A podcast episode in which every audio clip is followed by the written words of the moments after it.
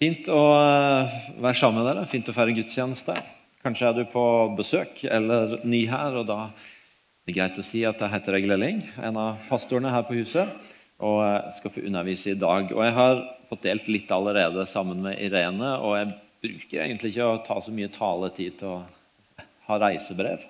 Eh, men jeg har lyst til å si litt mer om den uka som ligger bak. fordi at eh, det er jo sånn og jeg tror Vi trenger å minne hverandre på det av og til, at for de fleste av oss vi lever livet vårt i hvert fall hvis du ikke er på besøk. da. Kanskje er du her på Impuls for eksempel, og er innom, og da lever du et annet sted. Men de fleste av oss som er i kirka her, vi lever livet vårt i Stavanger eller i et av stedene rundt. og er fokusert på hvordan det ser ut å følge Jesus i hverdagen her, med jobbene våre, naboene våre, familiene våre, for de som har det. Og, og er glad for å være en del av en kirke her og få hjelp til det. Og det er veldig ofte siktet vårt. Og det er helt greit, for det er, jo, det, er jo, det er, jo, det som er basisen for det vi holder på med. Og så har, har, denne menigheten holdt på med det i en god del år, og så er det et Guds rike-prinsipp at den beste måten å ta vare på det du har fått fra Gud, det er å gi det videre.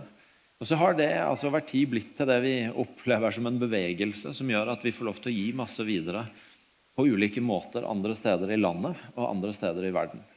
Og Sist, fredag, nei, sist søndag så var jeg sammen med Imi i Oslo.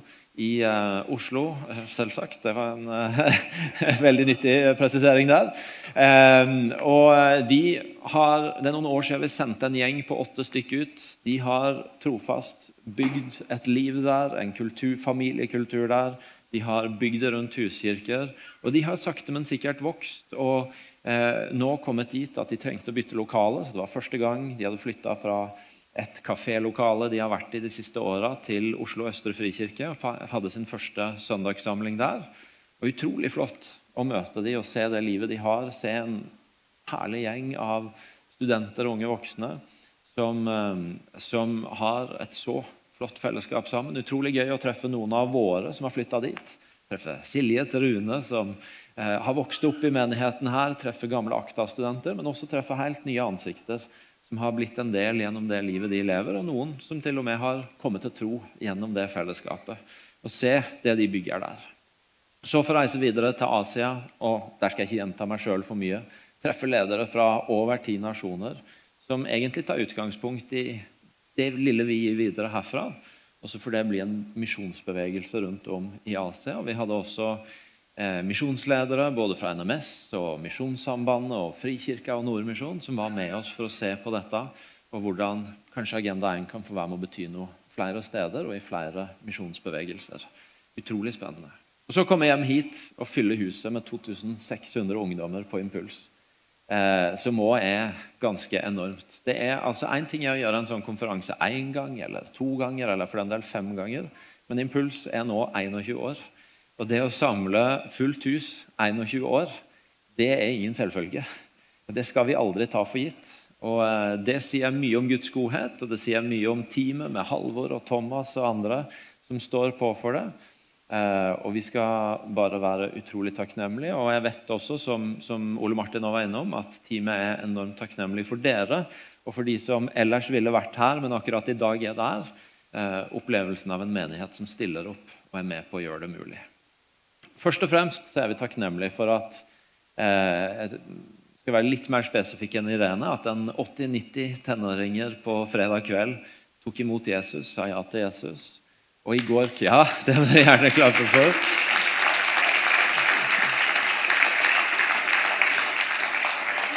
Og at, at um, i går kveld så leda Mike, som har vært her som gjest, og tala de inn i et sånn møte med Den hellige ånd, som som er utrolig fint. Det er ikke noe hype, det er ikke noe stress. Det er veldig stillferdig og rolig på mange måter. Men med en sånn tillit til at hvis vi, Mike sier jo mer vi venter, jo mer gjør han. Så tør han i et rom med 2600 ungdommer. Da kan jo noen av oss bli litt stressa på at vi må holde giringa oppe for å holde de på. Så tør han å bli helt stille og vente på at Den hellige ånd kommer. Og så begynner vi å se at tenåringene blir berørt og gjør erfaringer med Den hellige ånd som jeg tenker Wow, tenk å få ta med seg det. Jeg skulle ønske jeg hadde de erfaringene som tenåring og ikke måtte vente enda 10 år og 15 år før jeg for alvor begynte å gjøre de erfaringene. Det er helt fantastisk, det Gud gjør der. Og så tillater vi oss inn i det også å være litt stolte selvfølgelig over at statsministeren kommer, velger å komme på besøk eh, og, og, være sammen eh, med ungdommene. Vi fikk eh, eh en sånn 10-15 minutter med henne og Halvor fra hun kom og til hun gikk på scenen. og da Eh, skal innrømme, det var litt sånn stivt første par minutter. Hva snakker vi egentlig med statsministeren om? Eh, men så sa jeg at eh, takka jeg for at hun kom, og så er jeg jo egentlig imponert at du er her. For hvis jeg hadde hatt ei sånn uke som du har hatt, så tror jeg kanskje jeg hadde hatt lyst på en litt rolig lørdag. Eh, og Da lo hun godt da og var enig i det, men hun sa hun var egentlig glad for at Norge røyk ut i semien på fredag, for da har hun i hvert fall fri i dag og slipper å dra på finale i Stockholm. så, men, men eh, eh, jeg syns det er utrolig flott at hun får se det som skjer her. Eh, jeg tror vi må tillate oss å si at eh, vi skjønner at det er ikke noe hun er kjempetett på. Eh, og jeg tenker Det er utrolig flott. Og så er det så flott at ungdommene får møte henne og får et bilde av samfunnsengasjement. Og at 2600 ungdommer får være med og strekke hendene mot og be for statsministeren vår og for landet vårt. Eh, så det, Vi har lov til å være litt stolte av det, av at hun velger å være her og, og gjøre det.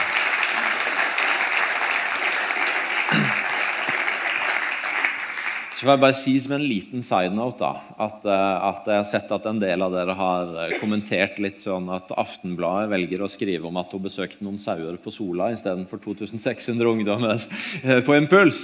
Og da skal jeg bare si til Aftenbladets forsvar at fordi det har vært ganske spennende, kommer hun faktisk eller ikke, det kan jo alltid skje noe, eh, så har vi ligget ekstremt lavt med det. Så jeg tror egentlig ikke Aftenbladet visste at hun kom hit. Eh, så dere får være greie med det denne gangen. Så kunne vi tenke at de uansett kunne tatt seg en tur på Impuls, da, men det, det er nå en annen sak. Eh, nå er jeg på vei inn mot det jeg skal snakke om. Eh, men eh, ja, hvis du ikke Ta opp det bildet igjen, Eivind. Hvis du ikke var der og hørte det, så ble altså intervjuet med statsministeren tatt opp. Og Hvis du går inn der du hører på podkaster og søker opp Impulspodden, så kommer intervjuet til å bli publisert der. Så du kan få det med deg. Det anbefales. Og Der ligger det også mange andre flotte episoder fra tidligere. hvis du ikke har hørt de. Vi hadde ikke bare én minister på besøk i går, vi hadde to. Dag Inge Ulstein, eh, bistandsminister, eh, var her også. Og I går kveld så, eh, så eh, var han i lederkafeen og snakka med ungdomslederne om hvordan en kan skape samfunnsengasjement blant unge mennesker. Og I dag så har han gjort det samme til ungdommene. Og Jeg hadde lyst til å ta utbyene bare i dag med Når han var der og snakka, så var han innom flere ting, men han viste bl.a. et avisutklipp fra A-magasinet, siste utgave av 2019. Jeg tror vi har en bilde av eh, fronten eh, på denne artikkelen her. Nordmenn flyr inn i 2020 på første klasse. Flyene på Gardermoen står i kø, og champagnekorkene smeller i taket. Klesskapet er stappfullt. Hver av oss forbruker nå 50% mer enn for 20 år siden. Og så skal jeg ikke lese hele artikkelen, men jeg skal bare lese et lite utdrag av den, det, det, som sto der. For der står det Nordmenns materielle standard stiger mot stadig nye høyder. Små vekstrater blir, til store hopp hvis de holder seg lenge. En melding om 2% vekst i forbruket hvert år får liten oppmerksomhet. Men hvis den veksten varer i 20 år, så blir det en samla vekst på 50 Forsker Ådne Cappelen i Statistisk sentralbyrå har i mange tiår vært tett på tallene i økonomien. Han sier åra etter 2000 har vært svært gode for norsk økonomi. Vi kan legge til siste halvdel av 1990-åra også, så har vi sum, i sum en utrolig materiell framgang. Det er fare for å bli fartsblind. 50% vekst i forbruket vårt på 20 år. En, en i sum utrolig materiell fremgang. Det er fare for å bli fartsblind. Og så utfordrer bistandsministeren på om dette skal være retninga vår for de neste 20 åra også. Og så, og så kan en ha forskjellige syn både på det med bærekraft og miljø og økonomiske modeller. Men så sier han noe som uansett er relevant for oss. Han sier er det, er det 20 år til med det samme vi ønsker å peke på for ungdommene våre og for barna våre? Tror vi at det er der det ligger mest glede for de, eller tror vi at det er et annet sted? Og så sier han bare jeg er ikke overbevist om at det er den beste veien for de, å peke på for de. Og Da hører jeg et par amen i salen, og kanskje kjenner vi på noe av det samme. Hvert år så setter vi til side noen uker i Imi-kirka på å snakke om det som har med penger og forvaltning å gjøre. På å snakke om litt med utgangspunkt, Egentlig ikke med utgangspunkt i det, men det gjør det bare ekstra aktuelt. Vi, vi, vi tror at spørsmålet om hvordan vi forvalter det vi eier, pengene våre, de materielle verdiene våre, at det er kjemperelevant for disippellivet vårt og for livet vårt som sådan. Og Derfor så har vi også nå disse ukene her fra Geir begynte forrige uke, og denne uka og et par uker til, så er det det som er fokuset vårt. Forvaltning, hva vi gjør med pengene våre, hva vi gjør med det vi eier. Det kan vi ha forskjellige innganger til. Det kan være at vi har et sånn bakteppe av historier eller egne erfaringer på at kirka er et sted hvor det er masse pengemas, og en eh, kjenner en blir urolig bare en begynner på de greiene der. Og tanken på at en da skal snakke om det i tre eller fire uker, er ganske stressende. Det kan være at en er engasjert i det som har med penger og forvaltning å gjøre, og tenker endelig snakker en litt om det i kirka òg. Kan hende en tenker at eh, de pengene jeg har, de er stort sett bundet opp, så det er ikke så mye mer igjen å snakke om. Eller en kan ha andre innganger, men vi tror at det er viktig for oss å holde dette oppe. Vi tror at det er et tema i livet vårt som, som hvis ikke vi snakker om det, og hvis ikke vi snakker med hverandre om det, så, så er det dette uttrykket om at hvis ikke kirka, hvis ikke vi disippelgjør hverandre, så disippelgjør kulturen oss. Og Uansett hvilket utgangspunkt vi har for å snakke om penger i kirka, så tror jeg ikke vi klarer å unngå at det jeg nettopp viste dere fra denne artikkelen, det påvirker oss på en eller annen måte. Å leve i et samfunn hvor forbruket øker med 50% på 20 år, det gjør noe med de av oss som lever i det samfunnet. Og Det betyr at hvis ikke vi snakker om det, hvis ikke vi søker å disippelgjøre hverandre på hvordan vi forholder oss til det, så vil kulturen rundt oss gjøre det. Og vi vil i stor grad bare være en del av den karusellen som går rundt oss. Og så er tittelen vi har satt i år Det er jo alltid spennende når du snakker om noe stort sett hvert år. Hvordan skal vi vinkle dette i år, da? Eh, og i år så er tittelen vi har gitt 'All In'. Og eh, det kan være et fremmed begrep for noen, men for de som eh, har litt kjennskap til spill av ymse slag, så er det altså gjerne et uttrykk for at du velger å satse alt på ett kort. At du velger å satse alt på en mulighet. Og, og, um, og, Det å gå all in det kan jo noen ganger være et uh, uttrykk for desperasjon. At du har ikke så, mye, så mange andre kort og, uh, eller så mange andre muligheter å gå med, så du får legge det du har, i den kurven. Og Det kan andre ganger være et valg en tar fordi en tror det er den beste veien. Og så kan det jo da være et bilde på det som handler om overgivelse. Fordi at I evangeliene så utfordrer Jesus ganske radikalt en god del steder på det med overgivelse. Det å gi seg sjøl til Han, og til det å følge Han, og til den veien som Han viser oss. Og så er det faktisk sånn at i den konteksten av at Jesus snakker om at det koster alt å følge Han, om at en må gi avkall på sitt eget for å følge Han, så, så snakker faktisk Jesus også om forvaltning. I akkurat den konteksten av å overgi seg av å legge ned sitt eget for å gå med han, så snakker Jesus også veldig spesifikt om det som har med penger å gjøre. Og Derfor er det litt viktig å si at når vi underviser om det med forvaltning, det med penger, det med å gi i kirka, så er ikke startpunktet, selv om det kanskje noen ganger kan føles sånn, og det ofte er en sammenheng, så er ikke startpunktet at Gud eller kirka eller mennesker trenger penger. Men startpunktet er at det har med vårt disippelliv å gjøre utgangspunktet for å tenke hva skal jeg gjøre med pengene mine? Hvordan skal jeg forvalte verdiene mine? handler ikke så mye om hvor mye penger trenger kirka eller Gud eller den eller den tjenesten, men utgangspunktet er at det har med mitt disippelliv å gjøre. Det har med min etterfølgelse av Jesus å gjøre, og faktisk det har med min overgivelse til han å gjøre. Min dedikasjon til han å gjøre.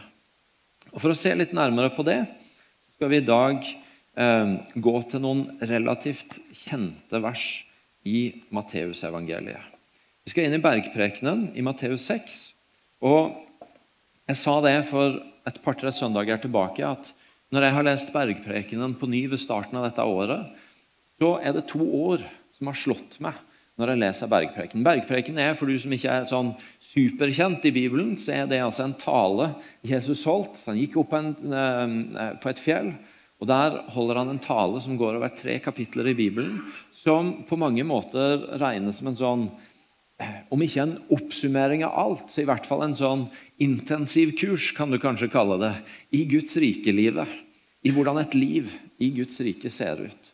Og i noen av de tinga som følger å leve i Guds rike. Og når jeg leste Bergprekenen på ny ved starten av dette året, så to ord som slo meg. Det ene var kjærlighet, og det andre var tillit. At I det livet Jesus holder fram for oss i Bergprekenen, så, um, så er det veldig tydelig at han ønsker å ta oss inn i den kjærligheten som er Guds kjærlighet. Han, han, ønsker å ta oss inn i Vi kjenner menneskelig kjærlighet som veldig ofte stopper på et eller annet punkt når, når det virkelig begynner å koste oss sjøl. Når ikke vi sjøl får så mye igjen for det. Når, når, når, uh, når, det på en måte ikke også er noe eget i det. Mens Guds kjærlighet, agape, det er jo den kjærligheten som bare elsker uansett. Som elsker fordi den elsker fordi den elsker som fortsetter for dem det ikke er noe egen vinning i det, som, som fortsetter inn i døden, synliggjort ved Jesus. Selv om det egentlig ikke er noe egenvinning i det, men det er andres vinning i det. Denne rene, uselviske kjærligheten som elsker forbi egen vinning, som elsker forbi egen agenda, og som elsker bare fordi en elsker. Og Når Jesus sier sånne ting som at det er jo ikke så vanskelig å elske de som elsker deg tilbake, men Elsk fiendene dine. Da ønsker han jo å ta oss inn i denne Guds agape kjærlighet. Denne kjærligheten som fortsetter å elske for det om det ikke er noe å hente i det for egen del. Og Det andre er at det blir veldig tydelig for meg i bergprekenen at Jesus inviterer oss inn i et liv i tillit til at hans vei er den beste veien for oss. Et liv i tillit til at selv om noen ganger det å gå den veien Jesus peker på, Enten det har med å elske når du ikke umiddelbart får noe tilbake, eller det har med andre ting å gjøre, så, så, vi, så velger vi å leve i en tillit til at til syvende og sist er det dette som blir stående som det beste fundamentet for livet vårt. Jesus avslutter bergprekenen med å si at de som hører disse ordene og gjør det, de er lik et menneske som har bygd huset sitt på fjell, sånn at det blir stående i stormen. Mens de som hører det og ikke gjør det, de er lik de som har bygd huset sitt på sand, og hvor huset lett faller i møte med stormen. Og Det er en invitasjon til å leve i en sånn tillit på at ja, noen ganger er ikke den veien Jesus kaller oss til, den umiddelbart enkleste eller breieste eller rett fram eller raskeste. Men det er likevel den beste veien, som til syvende og sist står seg best, og som til syvende og sist er veien til det gode livet. Og midt inn i det så snakker altså faktisk Jesus også om penger, om forvaltning, om hvordan vi forholder oss til det vi eier. Og Vi skal lese noen vers, en, en, eh, en tekst som er litt lang, i Matteus 6, fra vers 19, for å få med oss det Jesus sier. Dere skal ikke samle skatter på jorden, hvor møll og mark ødelegger, og hvor tyver bryter inn og stjeler. Men dere skal samle skatter i himmelen, der verken møll eller mark ødelegger, og tyver ikke bryter inn og stjeler. For der skatten din er, vil også hjertet ditt være. Øyet er kroppens lampe. Om øyet ditt er klart, er det fordi kroppen er fylt av lys. Men om øyet ditt er sykt, er det fordi kroppen er fylt av mørke. Er nå lyset i deg mørke, hvor dypt blir ikke da mørket? Ingen kan tjene to herrer. Han vil hate den ene og elske den andre, eller holde seg til den ene og forakte den andre. Dere kan ikke tjene både Gud og mammon. Derfor sier jeg dere, Vær ikke bekymra for livet, hva dere skal spise eller hva dere skal drikke, heller ikke for kroppen, hva dere skal kle dere med. Er ikke livet mer enn maten og kroppen mer enn klærne? Se på fuglene under himmelen. De sår ikke, de høster ikke og samler ikke i hus, men den far dere har i himmelen, gir de føde likevel. Er ikke dere mer verdt enn de? Hvem av dere kan vel med all sin bekymring legge en eneste alen til sin livslengde? Og hvorfor er dere bekymra for klærne? Se på liljene på marken, hvordan de vokser. De strever ikke og spinner ikke. Men jeg sier dere, selv ikke Salomo i all sin prakt var kledd som en av de. Når Gud kler gresset på marken så fint, det som gror i dag og kastes i ovnen i morgen, hvor mye mer skal han ikke da kle dere, dere lite troende? Så gjør dere ikke bekymringer og si ikke hva skal vi spise, eller hva skal vi drikke, eller hva skal vi kle oss med? Alt dette er hedningen opptatt av. Men den far dere har i himmelen, vet jo at dere trenger alt dette. Søk først Guds rike og hans rettferdighet, skal dere få alt det andre i tillegg. Så gjør dere ingen bekymringer for morgendagen. Morgendagen skal bekymre seg for seg sjøl. Hver dag har nok med sin egen plage. Litt lang tekst. Kort gå igjennom noen av eh, aspektene her. For det første så adresserer Jesus dette at noen verdier er varige, og noen er ikke varige.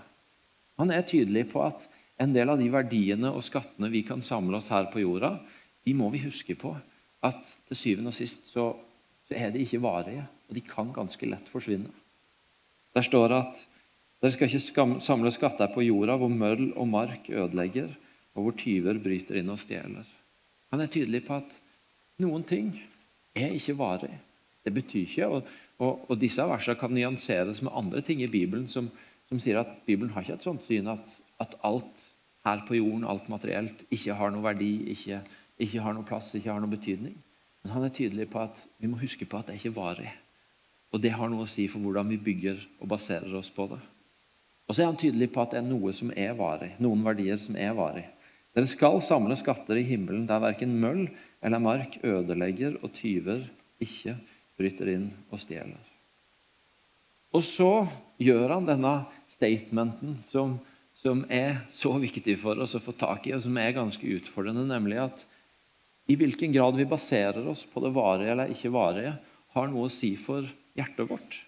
Han sier at der skatten din er, vil også hjertet ditt være. Så jo mer du baserer eh, verdien din og tryggheten din på det som ikke er varig, jo mer vil også hjertet ditt være i det. Og jo mer du baserer det på de evige tinga, på de som varer, på det som har med himmelen å gjøre, jo mer vil hjertet ditt vare der. Og så har han disse versene som tydeliggjør at selv om vi kan ha som utgangspunkt at det vi eier, det som eh, vi tjener, det som vi rår over og forvalter, det er det jo for å tjene oss. Det er det jo for at vi skal kunne løse forskjellige ting og bygge oss en trygghet og gjøre ting som er bra for oss og vår familie og folk rundt oss. Eh, og at utgangspunktet er jo at de verdiene er der for oss og til vårt beste, og ikke omvendt. Så, så tydeliggjør han at det kan faktisk snu seg. Det kan faktisk bli sånn at det som begynte med at pengene og det materielle og verdiene skulle tjene oss, ender opp med å bli at det er vi som tjener de. Han sier at ingen kan tjene to herrer. Han vil hate den ene og elske den andre, eller holde seg til den ene og forakte den andre. Dere kan ikke tjene både Gud og mammon. Vi kan altså ende opp som tjenere av de materielle tinga som egentlig skulle være til vår hjelp, som skulle være noe vi rådde over og forvalta, men som eh, eh, som i neste omgang har tak i oss. Um, der står La meg nå lese det. Det hadde jeg ikke planlagt. Men um, i Forkynneren så er det noen vers som er overtydelige på akkurat det perspektivet. Uh, nei, uh, nå husker jeg det er feil uh, bok her. So much for å være spontan. vet du. Nå husker jeg ikke hvilken bok det sto i. Jeg trodde det var Forkynneren 8, men det var det jo åpenbart ikke. Nei, det var Forkynneren 5. Der er det. Henta meg inn igjen. Den som er glad i penger, blir aldri mett på penger. Den som elsker rikdom, får aldri vinning nok. Jo større eiendom, jo flere som skal leve av den. Hvilke fordel gir det eieren, annet enn at han får mer å se på? En slave kan sove godt, enten han har lite eller mye å spise.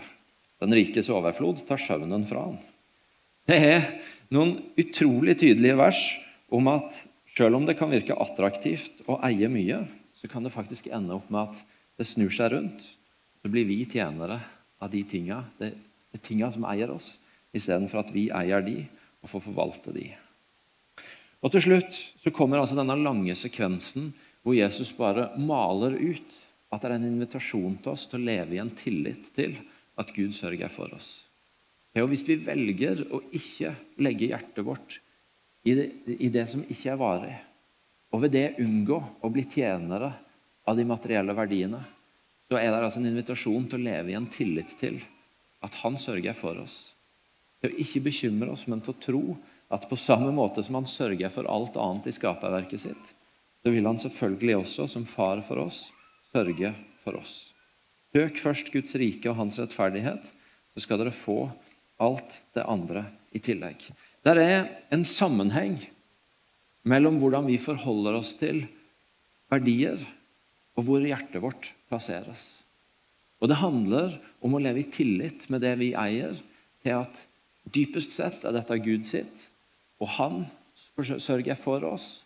Og Hvis vi velger å plassere hjertet vårt der, så kan vi også få leve både i en, i en trygghet på, en frihet på, at han forsørger oss, og i en visshet om at disse tingene får rå over oss, men vi får tro at han som har den beste veien for oss, eh, vil sørge for oss. Overgivelse har med hjertet vårt å gjøre. Det har ikke så mye med de ytre rammene å gjøre. Det har ikke så mye med hva vi eh, oppnår eller ikke oppnår å gjøre. Men det er overgivelse, det å være all in, det har i utgangspunktet med en hjerteposisjon å gjøre. Hvor har jeg verdien min? Hvor plasserer jeg skatten min? Hvor velger jeg å feste min tillit? Sjøl om det er så mye i verden rundt meg som forteller at den beste veien er å bli med på karusellen 20 år til med 50 Det er en invitasjon fra Jesus til å gå en annen vei, som kanskje umiddelbart ikke ser enklest ut eller mest attraktivt ut, men som faktisk, hvis jeg velger det, så kan jeg få leve i en tillit til at til syvende og sist det er det den beste veien for meg. Det er der jeg kan få ha hjertet mitt. Det er der jeg kan få ha tilliten min. Og så er det sånn at noen ganger når vi snakker om penger, så er det noen som har den tilnærminga nærmest at, at, jo mindre du har, jo frommere er du. At konsekvensen av det jeg nå har sagt, det er at ja, men da, da må jo poenget være å ha minst mulig. Da er du mest mulig åndelig og from og kristelig. Og så er det andre som velger å lese noen andre tekster enn de jeg har lest nå. Om velsignelse, om å gi, så skal du få, om, om, om alt det som skal komme tilbake. Og som tenker nærmest at, at at jo mer du har, jo mer åndelig er du. For det viser jo at du har gjort de rette tinga og gitt de rette tinga, og da har velsignelsen kommet tilbake. Men så er jo poenget i dette her, det handler ikke om hvor mye eller lite du har, men det handler om hvordan du har det med de tinga du har. Det handler om hvordan du har det med det du har. Det handler ikke om hvor lite du har, det handler ikke om hvor mye du har, men det handler om hvordan du har det med det du har. Paulus han skriver til menigheten i Filippi jeg vet hva det er å ha det trangt, og hva det er å ha overflod. I alt og i alle ting er jeg innvia. Å være mett og å være sulten, å ha overflod og lide nød. Alt makter jeg i Han som gjør meg sterk. Det handler ikke om hvor mye eller hvor lite. Det handler om hvordan du har det med de tinga du har. Paulus sier jeg har hatt mye, jeg har hatt lite. Og Begge deler har gått bra, fordi jeg lever i en tillit til at Han sørger for meg enten jeg har mye eller lite. Og Det er egentlig det som er invitasjonen fra Jesus til et alternativt liv. Å være med på 20 år til med 50% vekst og bare være en del av det. Det er egentlig å få plassert hjertet sitt der hvor du har en tillit til at ja, jeg kan ha mye, jeg kan ha lite, men jeg holder det lett. Fordi tilliten min ligger ikke i de tinga, men i at Han sørger for meg. Amen. Og så har jeg lyst til å nyansere det med å si at det er ei annen side av dette. Og det er ei annen side også av det oppslaget jeg viste fra Dag Inge Ulstein, fra bistandsministeren. Og det er jo at samtidig som det er historien, 20 år med 50% vekst i forbruk, og, og, og nordmenn reiser på førsteklasse inn i 2020, så er det jo også en annen historie, som er at fire av ti nordmenn viser en undersøkelse, opplever det som skambelagt å snakke om økonomien sin. Og at eh, antallet inkassokrav fra 2010 til 2017 økte med 3,5 millioner. Og at forbruksgjelda og mislighold og problemer med å finne ut av pengene sine i, den, i denne eh, veksten her bare øker. Og det, Derfor så har vi under denne all in-tittelen på denne serien i år skrevet noen spørsmål vi har skrevet 'ansvarlig' eller 'uansvarlig', 'raus' eller slumpet, 'slumsete', 'gnien' eller 'fornuftig'. Fordi at det, det er noen greier her i spennet mellom det at i denne tilliten til at Gud sørger for, som gjør at du lever sånn lett, holder pengene dine lett, og det du eier, lett. Og, og, og, jeg tror du skjønner at etter dette punktet så kommer det et punkt om å gi, om raushet og sjenerøsitet. Du aner hvor, hvor det er på vei. Det er der, i, i, Imellom det så er det et spenn mellom det å leve raust, det å leve i tillit, det å, eh, å stole på at Gud sørger for, og samtidig dette som har med ansvarlighet å gjøre. Dette som har med å forvalte. Dette som har med, med, med eh, Hvordan tar jeg ansvar for det jeg har? Og Derfor er det litt sånn Det som for noen er å leve i tillit, kan for andre virke uansvarlig. Og Det som for noen ser ut som raushet og giverglede, ser for andre ut som slumsing og søling. Og Det som for noen ser ut som å være gnien og tilbakeholden og lite giverglad, er for andre fornuft. Og så er det et spenn der hvor det er viktig for oss å, snakke, å si at Bibelen snakker også om forvaltning. Bibelen snakker om at den som er tro i smått, kan bli betrodd større ting. Og Bibelen snakker om at når du er betrodd noe, så er ikke oppdraget ditt å, å grave det bare ned og la det bli statisk, men oppdraget ditt er å forvalte det sånn at det kan vokse. Og Derfor er det faktisk veldig ønskelig at alle vi som tror og som følger Jesus, ikke bare hører orda om å gi, om å gi og gi og gi, men at vi også hører orda om å forvalte og ha en tanke om at jeg ønsker å forvalte det jeg er gitt, på en sånn måte at det ikke bare i nuet blir til en gave, men at det også over tid kan bli til en forvaltning som, som vokser, og som får eh, gi langsiktig giverglede, og som får skape langsiktige verdier. Og det er, det er sånn med alle ting i Guds rike at vi kan bruke åndelighet til, til å dekke over og forkle umodenhet. Vi kan bruke vår tro på helbredelse og bønn for syke til å og, og så kan vi dekke over en umodenhet på at vi ikke er villige til å forholde oss til smerte. Vi kan bruke, eh, eh bruke det at vi er opptatt av anerkjennende kultur og, og, og, og an, he, kappes om å hedre hverandre, til å dekke over at vi er umodne i forhold til konfrontasjon og det å også tørre å hjelpe hverandre til vekst og til å adressere vanskelige ting. Og vi kan bruke umodenhet i forhold til det med penger til å dekke over og få det til å se veldig åndelig ut. At jeg lever bare fra, i tro fra hånd til munn og, og, og, og, gir alt videre til å dekke over at vi egentlig ikke er villige til å ta tak i hvordan vi forvalter det vi er gitt, på en, på en god måte som er langsiktig og ansvarlig. Og Derfor er det kjempeviktig for oss å si når vi setter en sånn tittel som All In, og vi har lyst til at jeg og du skal leve i tro, at vi skal leve i tillit, at vi skal leve raust, at at vi skal våge å ta noen radikale steg med pengene våre. Og også si at hvis du strever med å forvalte det du har, så, så jobb med det òg.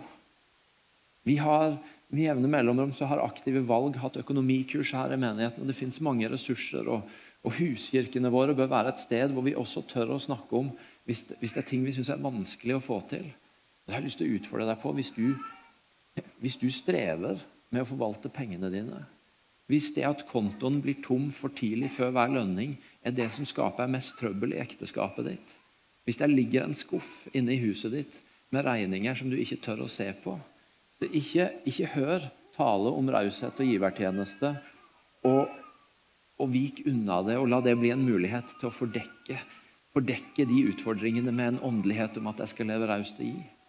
Men ta tak i det, snakk om det, be om hjelp for det. Fordi vi er også kalt til å forvalte. Men så Det er faktisk sånn, for vi kan spørre oss hvordan, hvordan lever vi i tillit? Og hvordan holder vi sammen tillit og forvaltning på en god måte? Og Da er det faktisk sånn at Bibelen er ganske konkret den, på hvordan vi lever i tillit. Den snakker veldig, veldig mye om å gi. Og den snakker om at det å leve et raust liv, et giverliv, det er noe vi kan gjøre igjen, uavhengig av om vi har mye eller lite.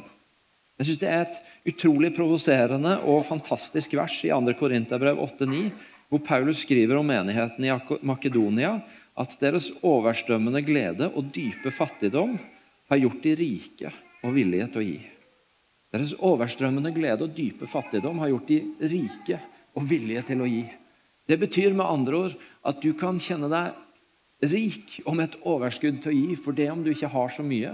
Fordi at igjen, Det har om en hjerteposisjon å gjøre. Det har ikke med hvor mye du har, men det har med hvordan du har det med det du har. Og Det betyr at invitasjonen til å gi som et uttrykk for det å, eh, å leve i tillit, den gjelder til oss alle. Og Da er dette som jeg sier nå, litt repetisjon for dere som er mangeårige IMI-folk, men som er kjempeviktig for oss å ta alle inn i. Og Det er at noe av det Bibelen peker på i forhold til å leve et liv i tillit til Gud, da møter vi dette ordet førstegrøden, som handler om at en begynner for, for Bibelen, som er skrevet i landbruksspråket, så betydde det førstegrøden. Det betydde å gi det første av, av avlingen en fikk. For oss så betyr det at vi begynner ikke med å sikre oss sjøl, og så gir vi hvis det blir noe igjen, til Guds rike. Men vi begynner med å gi til Han, i tillit til nettopp at Han vil sørge for oss. Som en hjelp til å komme inn i et liv i tro og tillit til at dypest sett er alt Hans, og Han er vår far, og Han sørger for oss. Førstegrøden er dette prinsippet veldig konkret om at givertjenesten min går ikke ut den siste dagen før jeg får lønning, sånn at den blir avvist hvis jeg har brukt opp pengene. Men den går ut den dagen jeg får lønning, sånn at før jeg begynner å bruke de andre pengene, så har jeg tillit til at ja, det kommer til å gå bra denne måneden òg, Gud. Jeg begynner med å gi til du, for jeg har tillit til at du sørger for meg. Og så er det dette prinsippet om tiende, som vi ikke forkynner som en regel, en lov, som ikke kan brukes verken til å gi seg inn i himmelen eller til å gi seg ut av himmelen, men som, men som bare er der som et prinsipp i Bibelen.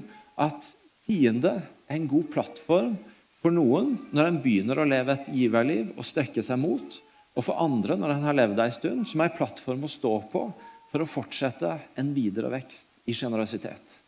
Jeg vet for min del at når en har levd en god del år med Jesus og med utfordringer på dette, så, så er en forbi det å gi tiende. En gir, vår familie gir en del, god del mer enn det. For andre så er tiende altfor mye å begynne med, men det kan være noe å strekke seg mot. Det er ikke en lov, det er ikke noe du får Gud til å elske deg mer med, men det er et prinsipp vi møter i Bibelen, som vi tror på. Og Det tredje og siste prinsippet er dette med farshuset, som, som står om noen steder i Bibelen. At, at eh, og som du også møter i apostlenes gjerninger, ikke som farshuset, men som at de troende delte alt og hadde alt felles. At basisen for givertjenesten er det fellesskapet du er en del av. Og Derfor så tror vi på at det er en plattform i givertjenesten vår som går til det huset, til den menigheten, det fellesskapet, det farshuset en er en del av. Um, derfor så har dere også på stolen i dag fått Pastiva-brosjyren vår. fordi at vi tror at hvis du er en del av dette huset, så er det ikke først og fremst for å sørge for økonomien til denne menigheten, men egentlig først og fremst for å ta tak i din egen etterfølgelse av Jesus og leve godt med din forvaltning.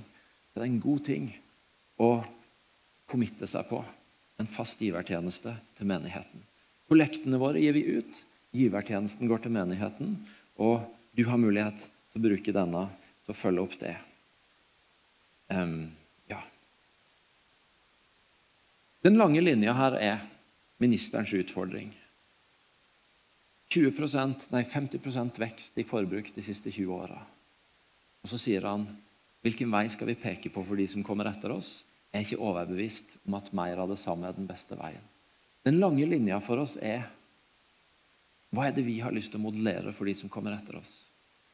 Av forbruk, av givertjeneste, av et liv i tillit til Jesus. I et samfunn hvor vekst og forbruk er så sterkt betont. Det er jo dette et av de stedene hvor vi har en kjempemulighet til å synliggjøre et radikalt annerledes liv.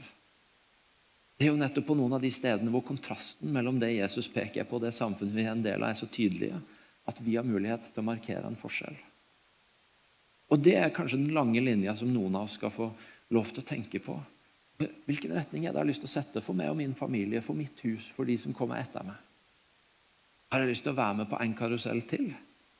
Eller har jeg lyst til å modellere ut et annet liv av tillit og overgivelse til Jesus med pengene? Og en annen vei enn bare mer og mer og mer. Og så er den mer nære og personlige linja. Det handler jo om hva er mitt neste steg i å leve i tillit til Han og i overgivelse til Han. Bibelen har noen utrolig radikale bilder av sjenerøsitet. Det står om å selge alt du eier og gi til de fattige. Det står om at de troende delte alt og hadde alt felles.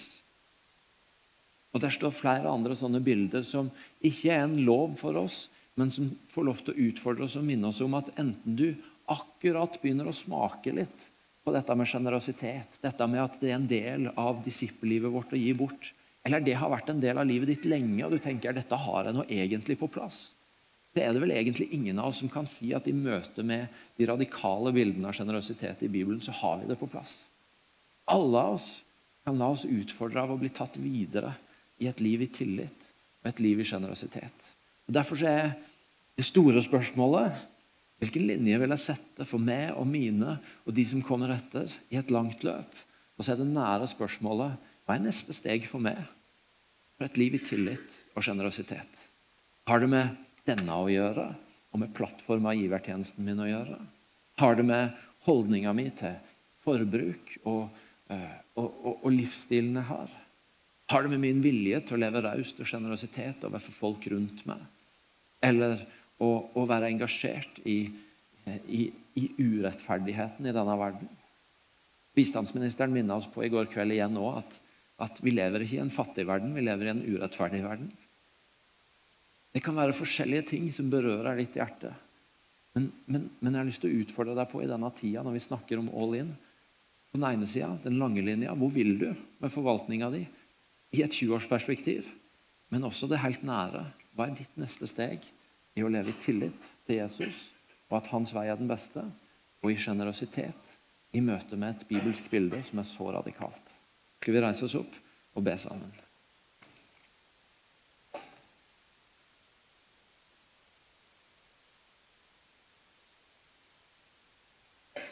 Hellige Ånd, vi, vi, bare inviterer deg til å komme. Vi, eh, vi, tror at du, Jesus, har den beste veien for oss. Og så bekjenner vi at, at når det kommer til, til, pengene våre og det vi eier, så er det et av de stedene som for en del av oss kan være ganske utfordrende. Og, og faktisk også ta inn konkret. Vi lever i et samfunn hvor det er så mange ting som, som, som peker mot å ville ha mer om at lykken ligger i å ha mer, og så sier du at det er ikke der lykken ligger, det er ikke der skatten er. Og det er ikke der du ber oss om å plassere hjertet vårt. Så trenger vi at du leder oss, og at du kommer og, og, og hjelper oss til å se helt klart. Jeg tror at det er noen av oss her inne Hellige Ånd, som trenger at du kommer og, og gjør noe med blikket vårt, fordi at uh, det er vanskelig for oss å se hvor vi kan bryte ut, hvor vi kan leve annerledes. Det er så mange ting som er så vanlige. Som ikke var vanlig for 20 år siden, men som er vanlig i dag, og som vi trenger din hjelp til å se. Ja, må det være sånn? Er det der jeg skal plassere meg? Jeg har bare lyst til å be deg, Hellige Ånd, kom og, kom og hjelpe oss til å se.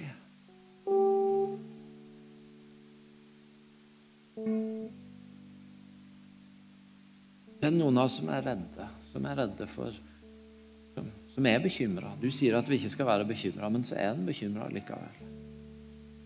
Så trenger vi at du, Hellige Ånd, kommer og berører hjertet vårt med en tillit til at vi har en god far som vil sørge for oss.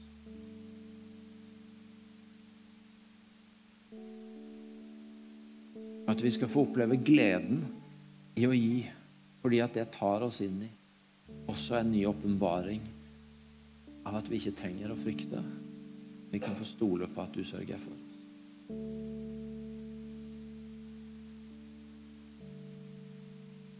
Kom og tal til den enkelte av oss om hvor vi har lyst til å gå i den lange løpet, og hva som er de konkrete stegene her og nå.